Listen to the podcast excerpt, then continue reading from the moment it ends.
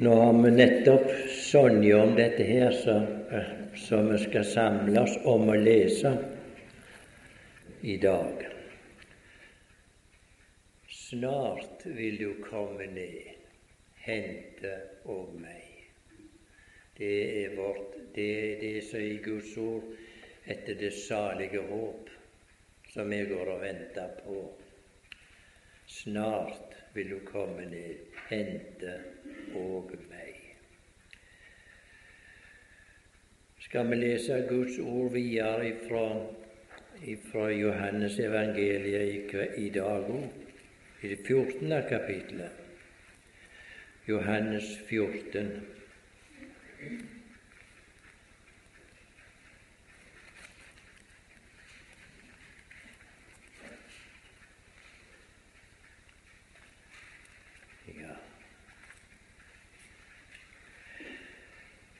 Nå var her lest av en eh, Markus fra Hebreabrevet. Og La oss gjenta det første verset av det han leser.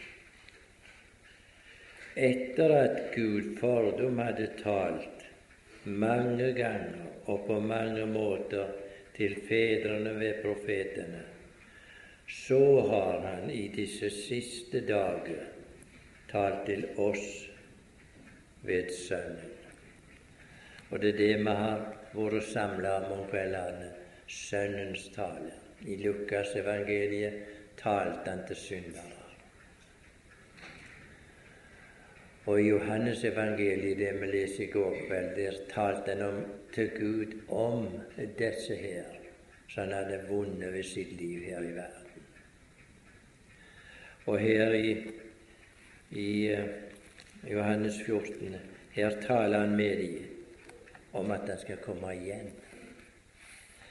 Det er forresten den eneste av evangelistene som taler om dette, at Herren skulle komme igjen. I Det gamle testamentet ser vi at det var en ukjente ting, dette her at Herren skulle komme. Men det var, det var skygger eller bilder som vi ser av Nytestamentet, som kaster lys over det. At det, det var en hemmelighet, det sier apostelen nå. Det var en hemmelighet, dette, at Herren skulle komme igjen. Men før vi leser fra Johannes 14, så har jeg lyst for min egen del, og sikkert for mange andre sin del, vi skal lese nå et vers fra i Salma før vi igjen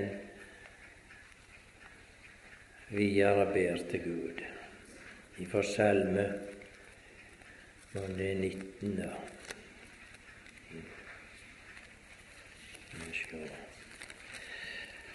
Ja, det er ifra, ifra Salme 19, det siste verset der. Og det lyder så La min munns ord og mitt hjertes tanke være til velbehag for ditt åsyn, Herre, min klippe og min gjenløser. La min munns ord og mitt hjertes tanke være til velbehag for deg. Vi har lyst og be Gud fortsatt om hjelp til det, Herre vår Gud. Vi er samla for ditt åsyn, og vi har lyst til å høre hva du har å gi oss, for vi vet du du er rik nok for alle som påkaller deg. Og takk for vi har adgang til deg, Herre. Du har gitt oss adgang Maradgang, sier ditt ord, til denne nåde i hvilken vi står. Så kan vi komme inn for ditt åsyn uten å frykte, Herre. Du har betalt adgangen med ditt dyre blod, Herre Jesus. Og den adgangen er der ingen som kan ta ifra oss. Den har du gitt oss, Herre. Så har vi lyst til å få lytte til ditt ord om disse ting Herre, at du skal komme igjen snart. Må det være så at Ikke glemme det utom dagen dette, men det, det er vårt framtidige håp, og det er det salige håp, mens vi venter at du skal komme igjen, Herre Jesus. La meg lyst til å anbefale oss til deg på den måten at ditt ord må komme inn i våre hjerter og skape mer lengt etter den dag når du skal åpenbare for du har sagt når Han åpenbares, da skal vi åpenbares med Ham i herlighet. Da må det være vidunderlig godt, Herre, vite dette her, og kunne leve i det og glede oss i det dag for dag, at du kommer snart igjen. Vi takker deg for det ordet det budskapet i Jesu navn.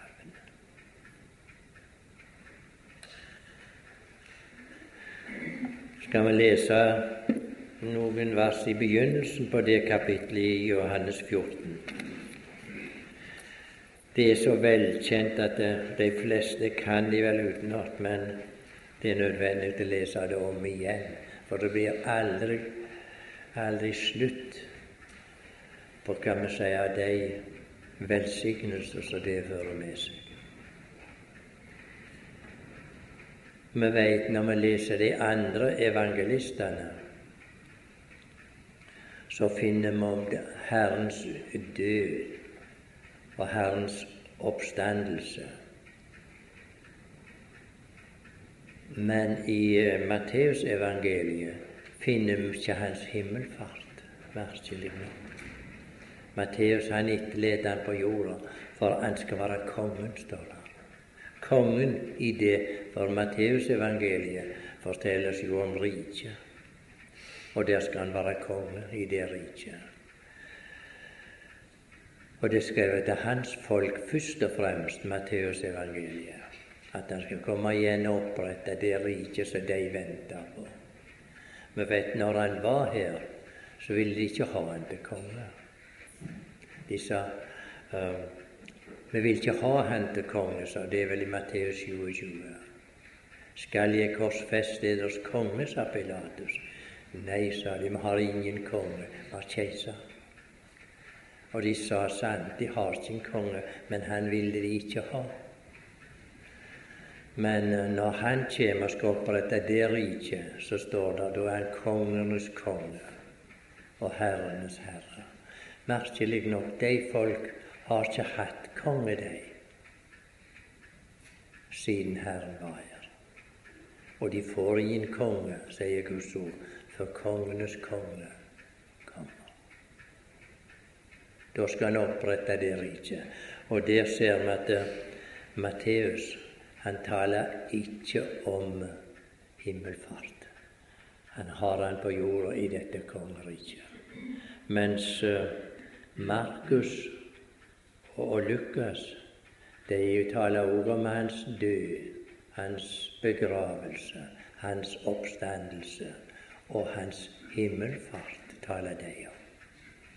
Men når vi kommer her til Johannesevangeliet, han går et stykke lenger. Han, han taler om hans gjenkomst. Det kan vi lese her i de to-tre første versene. Eders hjerte forferdes ikke tro på Gud. Og i en eldre oversettelse står det 'tro også på meg'. Tro også på meg. De trodde på Gud, det, det var nå ganske sikkert. Men Herren sa 'tro også på meg', for jeg og Fader sa vi er ett med. Og vi kan forstå han talte til deres urolige hjerter. Han hadde nettopp sagt med dem nå skulle han gå bort. Og det uroa deres hjerte. Hvem skulle de da ha? Men så trøsta han med det her. Eders hjerte forferdes ikke. Tro på Gud, tro også på meg. I min Faders hus er det mange rom. Var det ikke så, da hadde jeg sagt eder det, for jeg går bort for å berede eder sted. Og når jeg er gått bort, og har beredt eder sted, kommer jeg igjen Det er det første gang vi finner sier det i noen av evangeliene på denne måten. Og når jeg er gått bort og har beredt eder sted, kommer jeg igjen og vil ta eder til meg, for at også I skal være der jeg er. Han ville ha de omkring seg, deg, så han hadde vunnet ved sitt blod. Og det måtte være usigelig god trøst for disiplene nå når de gikk her med et hjerte som var forferda, og høre Kjem igjen. Kjem igjen til dere. Og det er den samme trøst som vi finner i Guds ord når vi leser om Hans gjenkomst. For Nytestamentet vårt, det forteller mange plasser om Hans gjenkomst. Nå skal vi lese noen av de plassene så, så Herren taler om sin gjenkomst.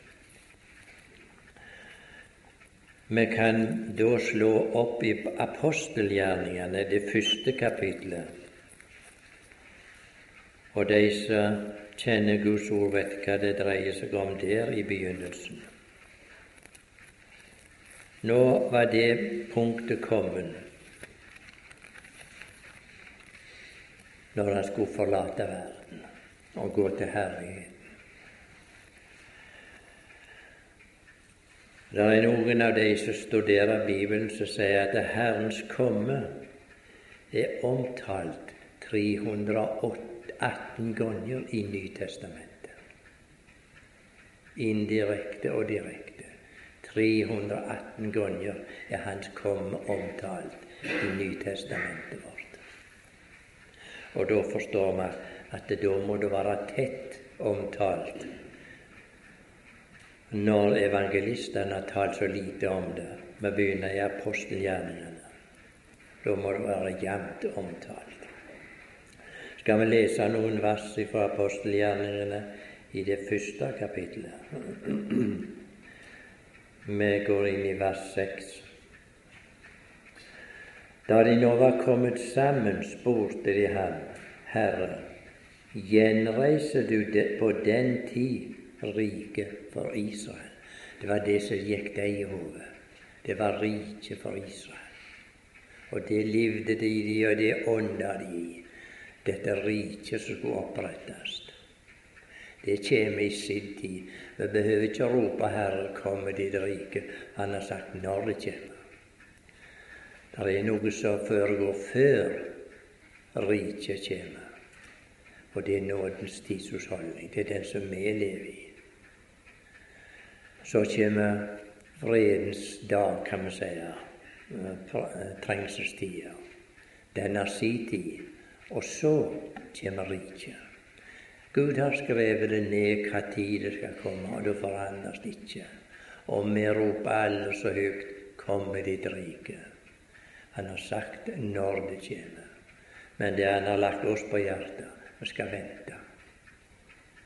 Vente til den tid kommer. For Gud forandrer ikke sine prinsipper. Det han har omtalt, og det han har lovt, det heller Vi skal bare vente.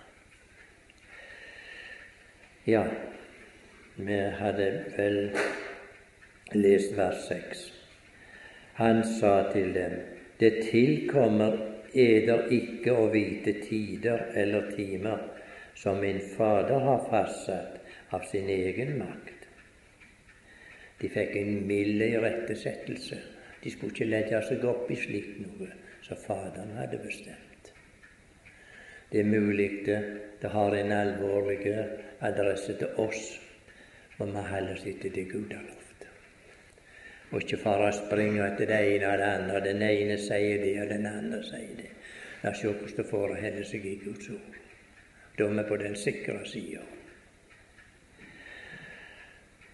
Eh, vers 8. Men I skal få kraft idet Den hellige ånd kommer over eder, og I skal være mine vitner både i Jerusalem og i hele Judea og Samaria og like til jordens ender.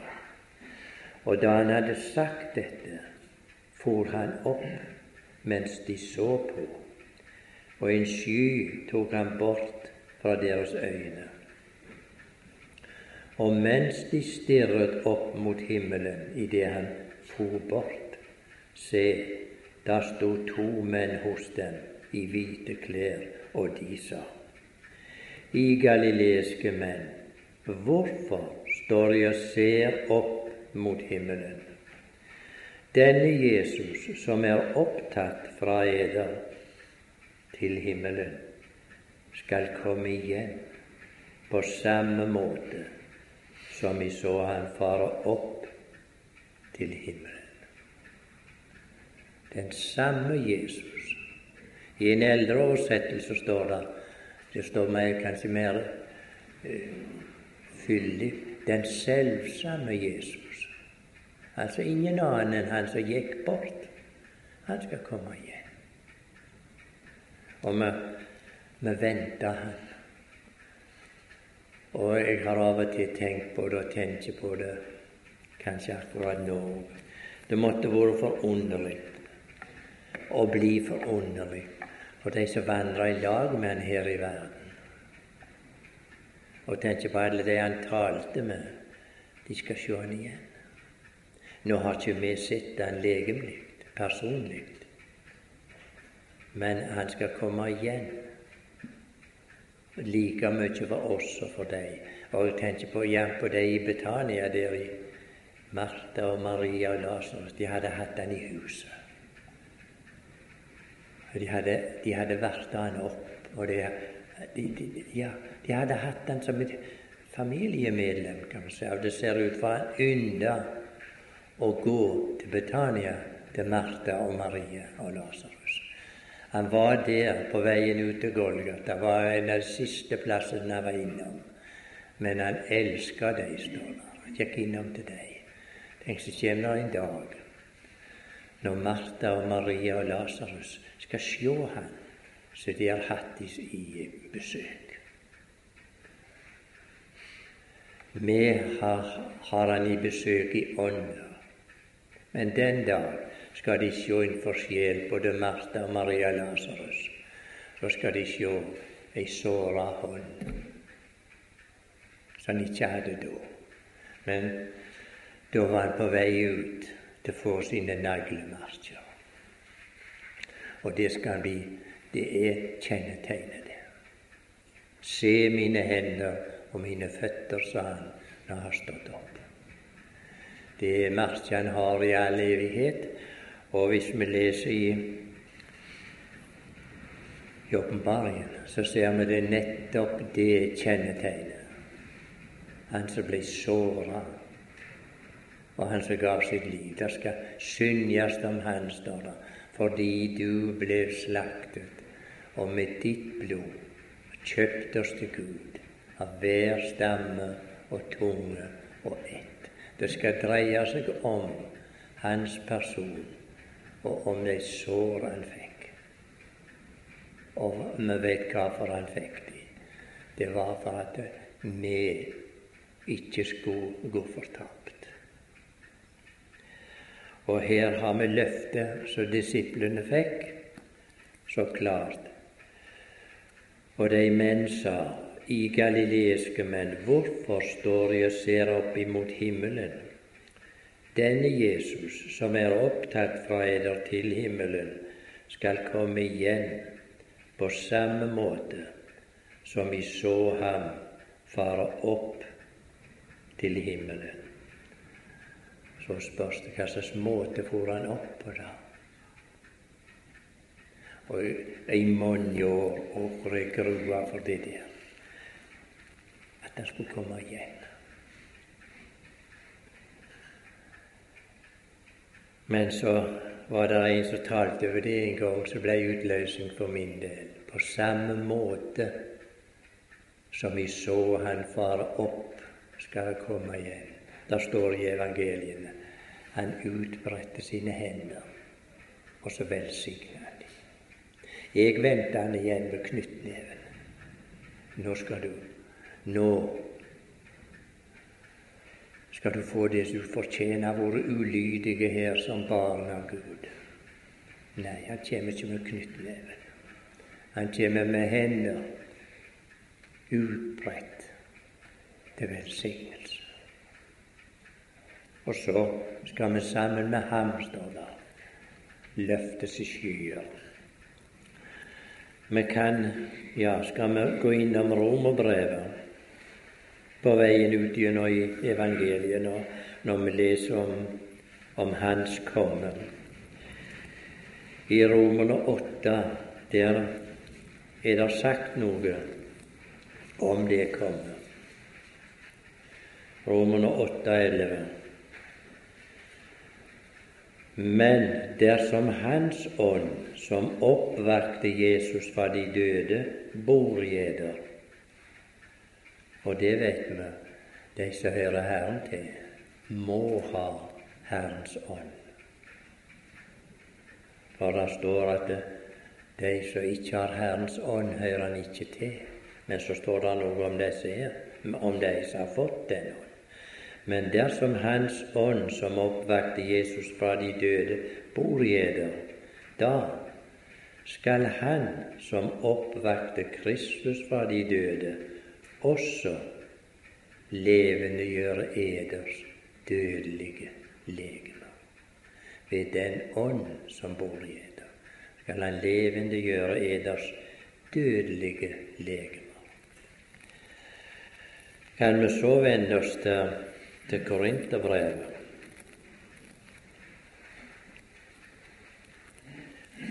Og der kan vi ja, i første Korinterbrev og i kapittel 15 er det vel vi finner denne begivenhet omtalt.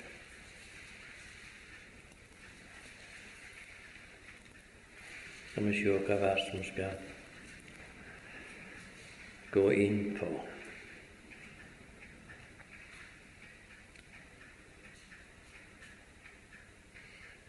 Ja, vers 49 i kapittel 15. Og like som vi har båret den jordiske spillede, så skal vi òg bære den himmelske spillede. Det bærer vi ikke i dag, men han sier vi skal, skal bære det bildet. Vi ser ikke noe skjønnhet i, i hverandre i dag. Vi fallerer dag for dag.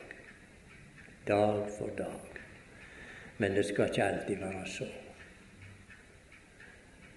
Når det er gått til grunne, så kommer det en fornyelsesdag. Vi skal oppstå uforgjengelige. Og like som vi har båret den jordiske spillet, Vi vet vår, vår stamfar vi bærer hans bilde i skrøpelighet. Og like som vi har båret den jordiske bilde, så skal vi òg bære altså det framtidig, dette, den himmelske bilde. Men dette sier jeg, brødre, at kjøtt og blod kan ikke arve Guds rike, heller ikke arve forgjengelighet, uforgjengelighet. Se, jeg sier dere en hemmelighet. Den hemmelighet som var skjult ifra Gud, står det ifra evige tider. Og den som fikk gå med den hemmelighet, det var apostelen Paulus. Se, jeg sier dere en hemmelighet. Vi skal ikke alle hensove, men vi skal alle forvandles. I et nu, i et øyeblikk, ved den siste basun for basunen skal lyde, og de døde skal oppstå uforgjengelige, og vi skal forvandles. For dette forgjengelige skal bli ikledt uforgjengelighet, og dette dødelige blir ikledt udødelighet. Og når dette forgjengelige er ikledt uforgjengelighet, og dette dødelige er ikledt udødelighet, da oppfylles det ord som er skrevet. Døden er oppslukt til seier.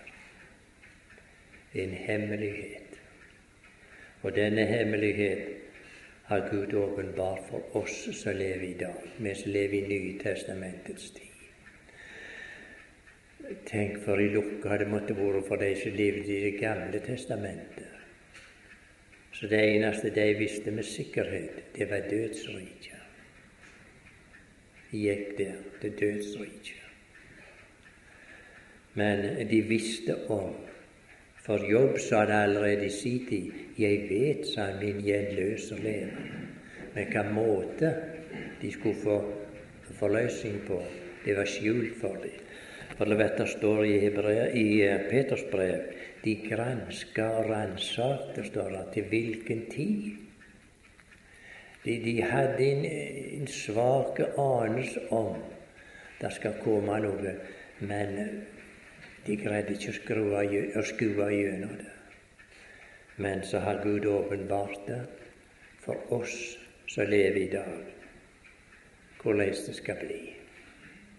Det er bare et spørsmål om å vente. Vi forandrer ingenting med, med vår iver på noe område, for Gud har lagt det ferdig. Derfor har Han bedt oss om å være tålmodige og vente. Men denne hemmeligheten den blir lite omtalt i våre dager. Jeg synes iallfall det. Det er så sjelden der er noen som har det for seg å tale om Herrens komme, og vi kan forstå det ynder Satan at det emnet skal forties. For han vet inderlig godt når Herren kommer og tar sine, så står hans tid for døra, antikristen. Men han vet så inderlig godt om sitt endelikt. Og det er derfor kanskje, jeg sier kanskje, at åpenbaringen er så lite omtalt i våre dager. For Satan vet at åpenbaringen forteller om hans endelikt. Og hans endelikt, det sier åpenbaringen klart, det er ildsjøen. Guds ord sier han han har i korte tid, og derfor er han så mye mer virksom.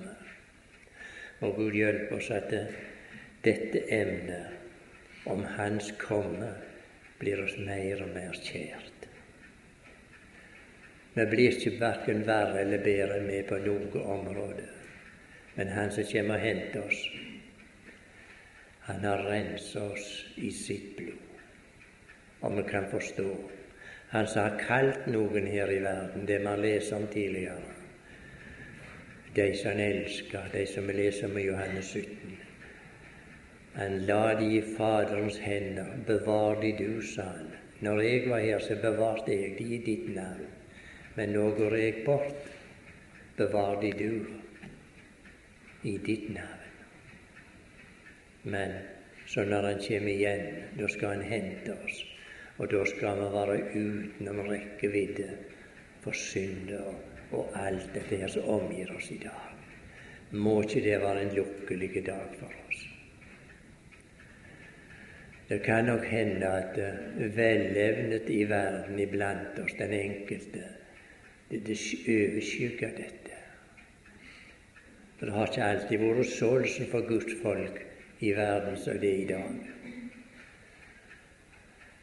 Og nå kommer jeg akkurat på et ord, eller en beretning, kan man si, i, i Hebreabrevet 12. Nei, Hebreabrevet 10.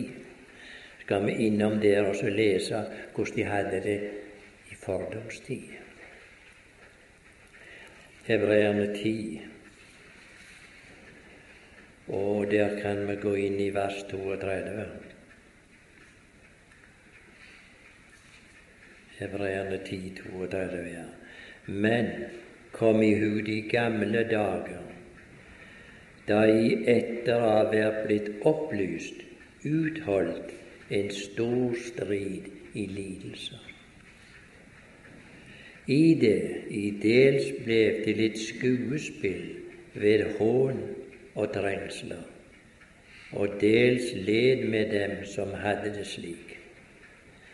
For også fangene hadde de medynk med, og fant eder med glede i at eders gods ble røvet, da de visste at de selv hadde en bedre og blivende eiendom.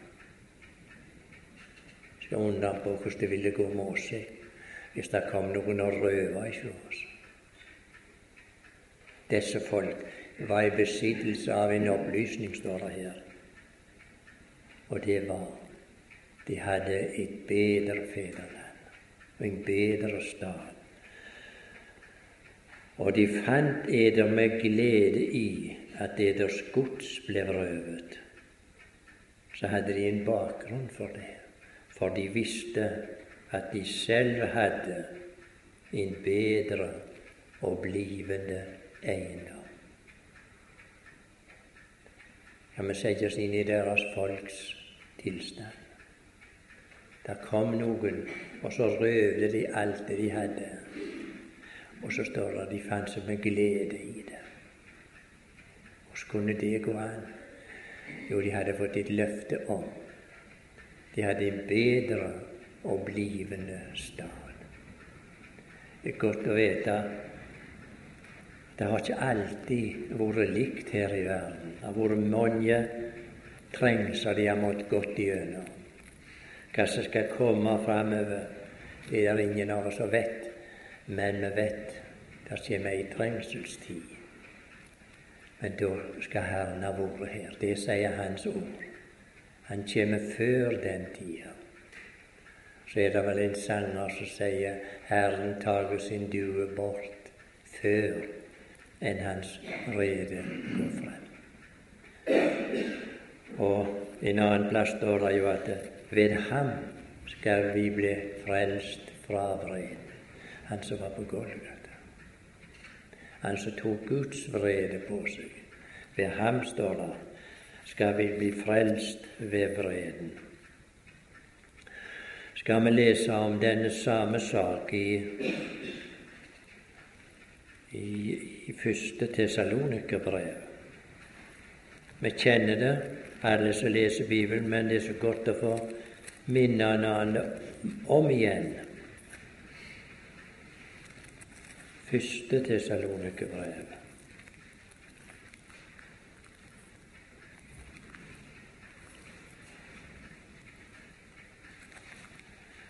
Skal vi se hva kapittel det er, da. Jo, det er i kapittel fire. Og det er så nødvendig at vi, vi blir minnet om det gang etter gang. Jeg tenker av og til på, på en sang som vi synger, synger svært sjelden. Jeg har en del av det versene her.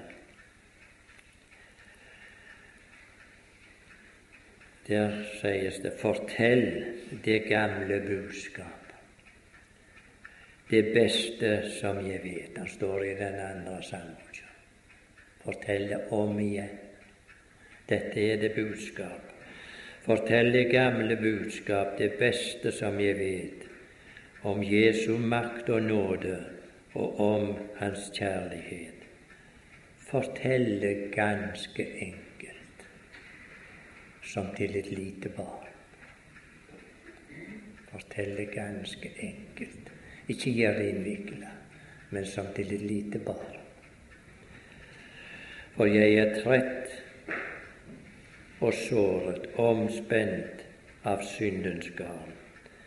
Fortell det kun langsomt, så det kan trenge inn.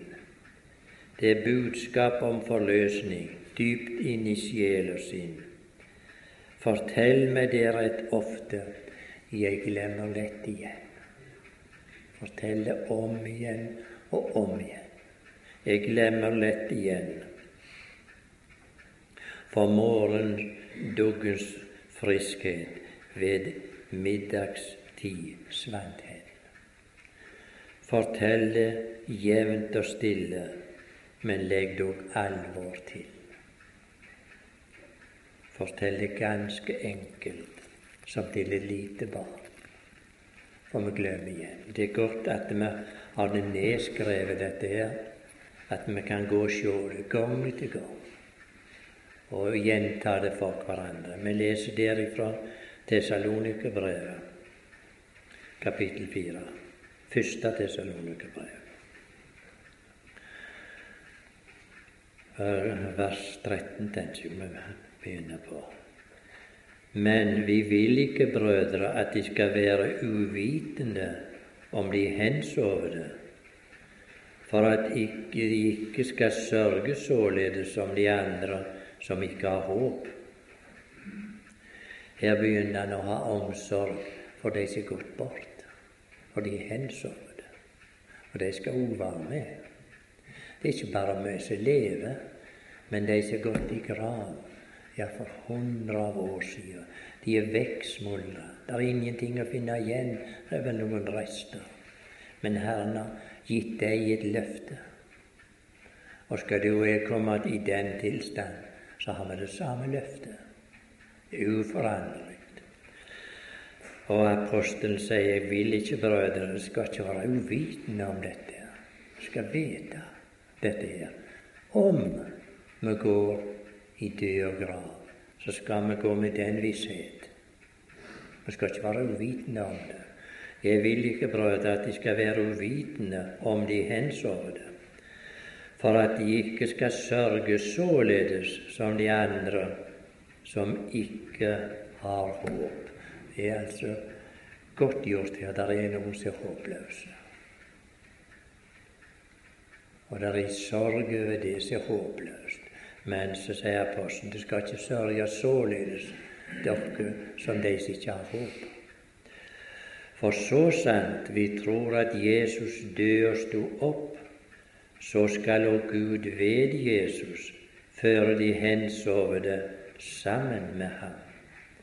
For dette sier vi eder med ord av Herren, at vi som lever, som blir tilbake inntil Herren kommer, altså som blir tilbake, som ikke har gått inn i døden. Det er det han taler om her. For dette sier vi med et ord av Herren, at vi som lever, som blir tilbake inntil Herren kommer, skal ingenlunde komme i forveien for de hensovne. Tenk, de har første prioritet, som jeg sier. De hensovne. Skal ikke bli glemte, de først og fremst angår det deg.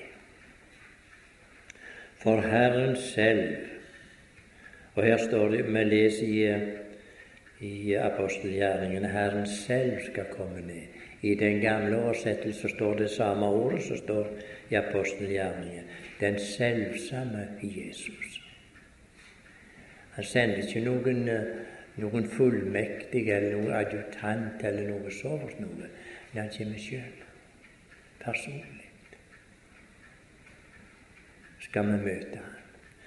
Herren selv skal komme ned fra himmelen med et bydende råp, med overengels røst og med Guds basun, og de døde i Kristus skal først oppstå først oppstå. Det kommer en dag et rop, og er det ikke merkelig? Tenk, da skal de høre i gravene. Der er ikke legeme, men der er liv, ser det ut For der, der som skal høre, må jo være liv. Det blir en forunderlig dag.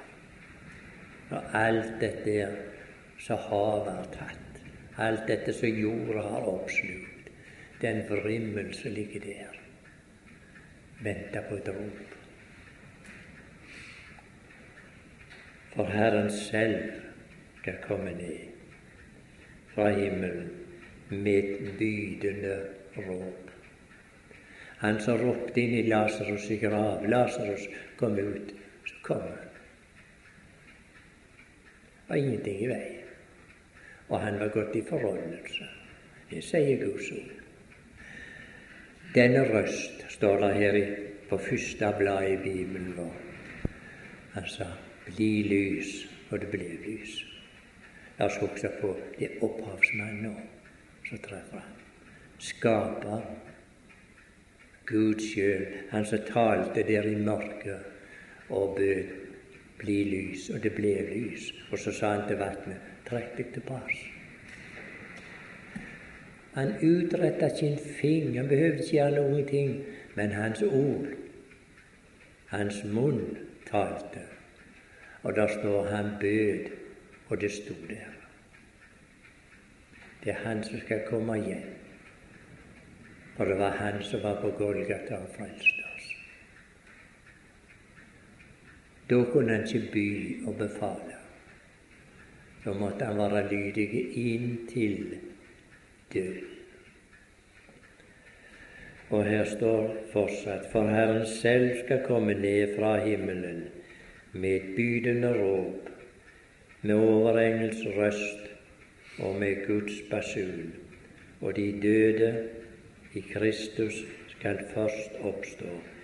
Deretter skal vi som lever, som blir tilbake, sammen med dem rykkes i skyer opp i luften for å møte Herren. For å møte Herren. Tenk hvilken dag, synger Tenk når en gang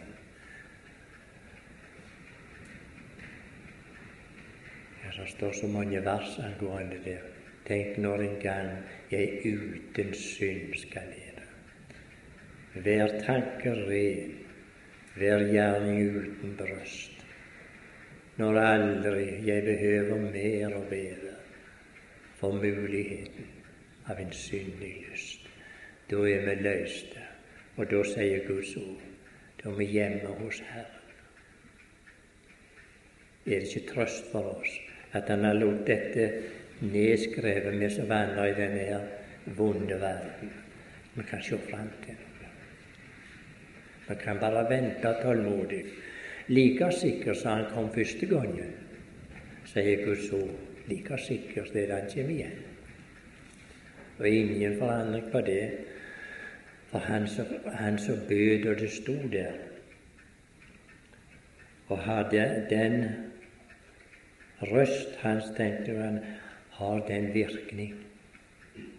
Da skal det opp og graven.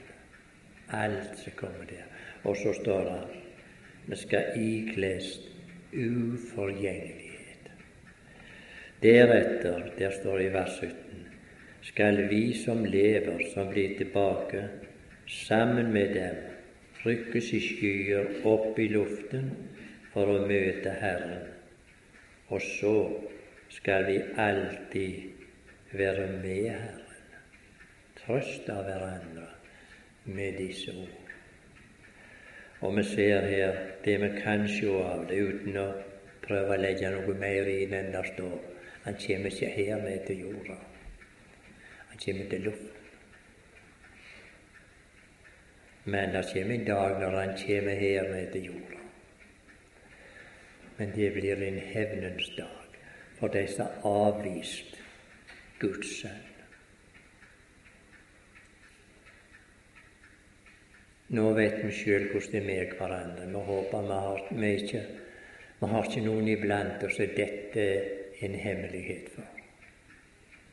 Men det kommer en dag når Han kommer igjen, og da sier Bibelen vår en hevnens dag. Det talte han om allerede i, i profeten. Om en hevnens dag for synd og ugudelighet.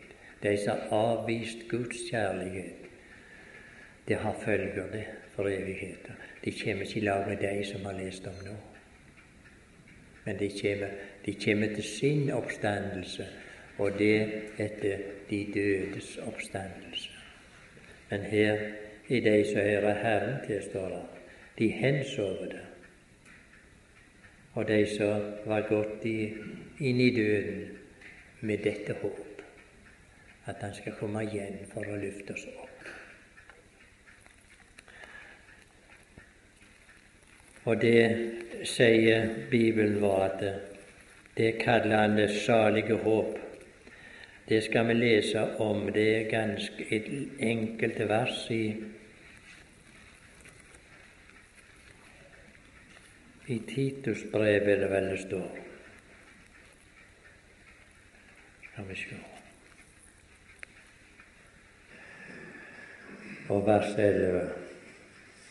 For Guds nåde er åpenbart til frelse for alle mennesker, i det den opptukter oss til å fornekte ugudelighet og de verslige lyster, og leve tuktig og rettferdig og gudfryktig i den nuværende verden, mens vi venter. Hva venter han på? Mens vi venter på det salige håp og åpenbarelsen av Guds og vår Frelser Jesu Kristi herlighet. Her er det snakk om mens vi venter. Så skal det komme en åpenbarelse. Det, det, er ikke åpenbart ennå, sier apostelen, hva vi skal bli. Men det kommer en åpenbarelse. Og Kolossenserbrevet taler jo om den. Når Han åpenbares, men ikke før. Da skal vi åpenbares med Ham i herlighet. Med ham i herlighet. Og så står det videre da skal vi bli ham like. Vi skal se ham som han er. Det, det, er ikke noe eventyr vi holder på å lese opp. Det er ikke noe eventyrbok. Det er guddommelig sannhet som Gud vil at vi skal bli kjente med mens vi er her i verden at vi kan ha noe å leve i dag for dag og oppmuntre hverandre med. For da sto det 'trøst av hverandre med disse ord'. Det var en gang han sto vel her på talerstolen og sa 'skremt av hverandre med disse ord'. Han mente altså det motsatte. At vi skulle være vakne for det. Men la oss holde oss til det som står Trøst av hverandre med disse ord. Han mente ikke at vi skulle skremme noen, men, men han mente la oss være våkne for hva det står. Det er trøstens ord, dette er for. Vi lever her og kjenner på vår udugelighet og vår utilstrekkelighet på alle områder. Herren ser bort ifra det her. For han, han sier det i i uh, Hebreabrevet. Han har frelst oss ifra syndens kraft ved sitt blod. Og han har frelst oss ifra syndens straff. Men så er det det leddet igjen som ofte vi må se med han. Han har ikke frelst oss ennå ifra syndens nærværelse. Det kjenner vi hver dag hvor vi er henne. Vi har syndens nærværelse i våre hjerter og vi har syndens nærværelse når vi vandrer i verden. Det er det leddet som står igjen nå. Og da er vår frelse komplett, som de sier. Men ikke før. Men vi kan leve i visshet om det.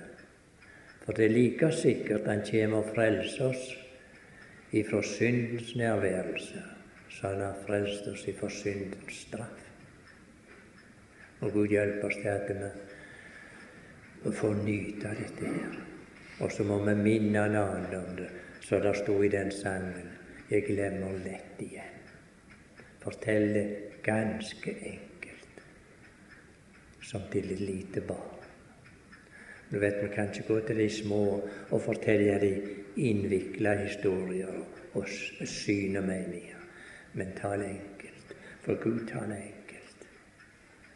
Og så har Han lagt oss på hjertet, som vi ofte må si, om noen taler. Han taler som Guds ord. Som Guds ord. Og da blir vi ikke forvirra skal vi ta med oss et, et ord ifra Jakobs brev før vi avslutter lesingen. Jakobs brev. Og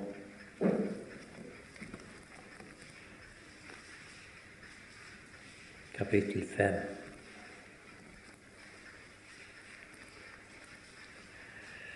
Jakobs brev, kapittel 5 og vers 7. Vær da tålmodige, brødre, til Herren kommer. Her legger han oss på hjertet. Bare vær tålmodige. Han kommer, det er det ikke tvil om, men i ventetida, vær tålmodige. Vær, vær da tålmodige, brødre, til Herren kommer. Så gir han oss et praktisk eksempel som vi kjenner så godt. Se, bonden venter på jordens kostelige grøde og bier tålmodig på den De lever høstregn og vårregn. Bonden venter. Så Når vi sår om våren, så må vi bare vente. Vi får ikke, vi får ikke i lommen med en gang masse. sådd. Det er ventetid. Og det nytter ikke om bonden er aldri så utålmodig, om han skaper seg han må vente til høsten. Det er ikke ha vei utenom. Vær da tålmodige, brødre, til Herren kommer. Se, bonden venter, uh, venter på jordens kostelige grøde og bier tålmodig på den til den får høstregn og vårregn. Det er en prosess som så sæden må gjennom, og bare vente så står det i vers 8.: Vær òg i tålmodige, styrk eders hjerter, for Herrens komme er nær. Styrk eders hjerter, for Herrens komme er nær. Hvordan skal vi få et sterkt hjerte av det? Jo, her en annen plass står det Styrk eders hjerte ved nåden. Ved nåden. Nå tenker jeg på et annet vers som står i Salme 31. La oss ta det òg med, for det går ut på det samme. Det er så trygt når vi kan lese om det. Det siste verset i Salme 31, det kommer med en oppmuntring til oss. Vær ved godt mot, og eders hjerte være sterkt. Alle i som venter på Herren, vær ved godt mot. Er det ikke lett å miste motet?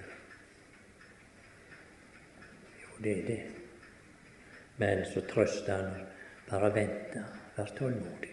Vær ved godt mot, for eders hjerte være sterkt alle i som venter på Herren. Vi kan ikke forgripe noen ting.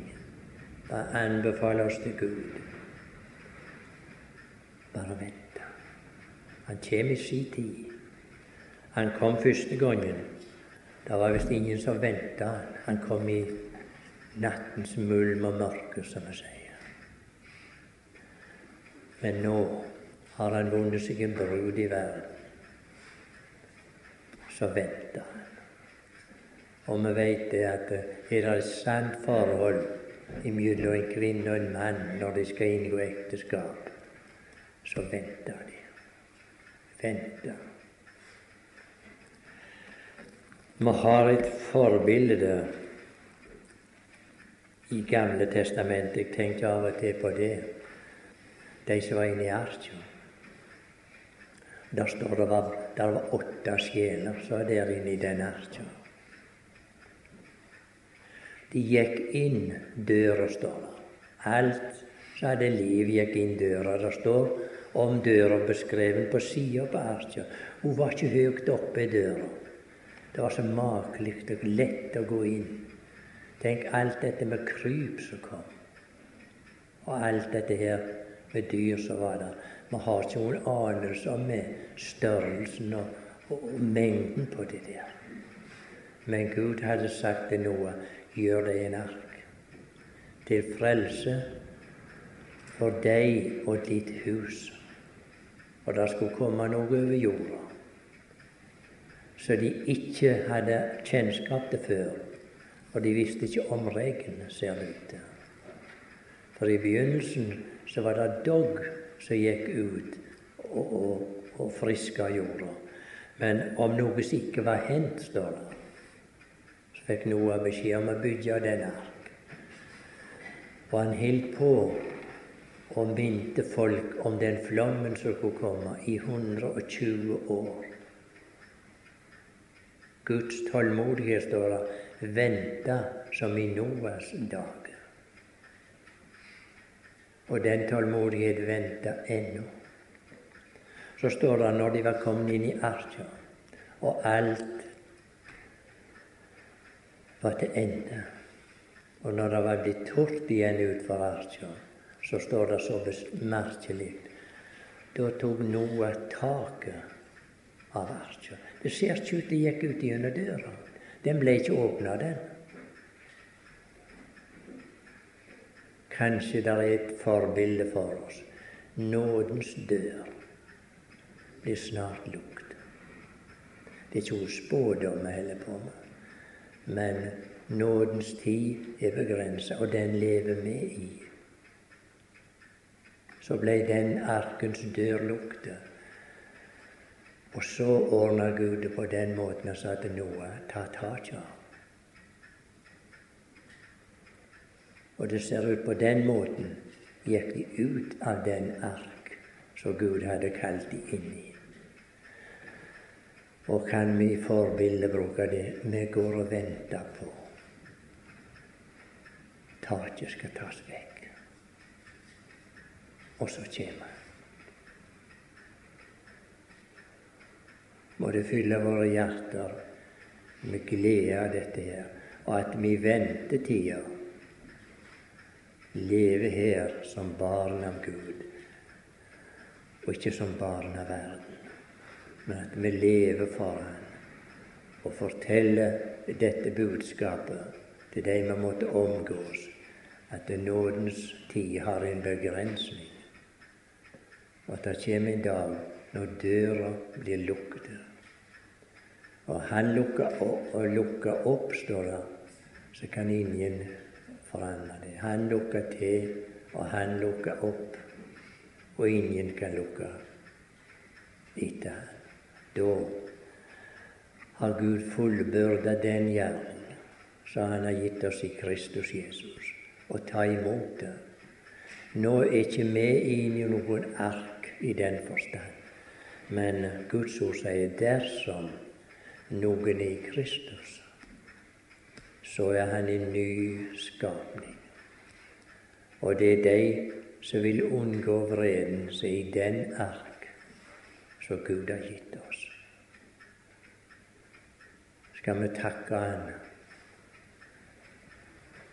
for det framtida, det håpet Han har gitt oss, Herre vår Gud. Nå vet du det er spredte ting vi har lest og talt om. Vil du ta bort det, Herre, som du ikke har behag i? Og at vi får beholde dine ord her om dette, din gjenkomst. Og så ser vi av ditt ord, Herre. Vi skal glede ditt hjerte, og du skal glede våre hjerter så skal vi sammen med dem, som er de som har gått før oss, og sammen med ham, står det, da skal vi være sammen i all evighet. Og da er vi utenfor syndens rekkevidde. Da er det ingenting mer som skal såre oss. Da er vi hjemme hos Herren. Herre, hjelp oss og være tålmodige og vente. Og vi skal gå veien om død og grav. Det forandrer ingenting, her. Og du har lovt de som godt er, først skal de oppstå. Gi oss, Herre, ta imot ditt ord og glede oss over det. Ære for ditt navn, ber vi om Jesu navn.